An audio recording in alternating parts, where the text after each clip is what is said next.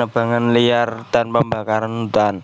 Keberadaan tumbuhan sangat bermanfaat bagi manusia. Selain sebagai sumber makanan, tumbuhan bisa digunakan sebagai media untuk mengurangi efek rumah kaca. Karena untuk melakukan fotosintesis, tumbuhan membutuhkan karbon dioksida dan uap air. Dengan makin maraknya penerbangan liar akan menjadikan berkurangnya media untuk mengurangi efek rumah kaca. Tak hanya itu, kebakaran hutan secara besar-besaran juga menjadi penyebab meningkatnya efek rumah kaca.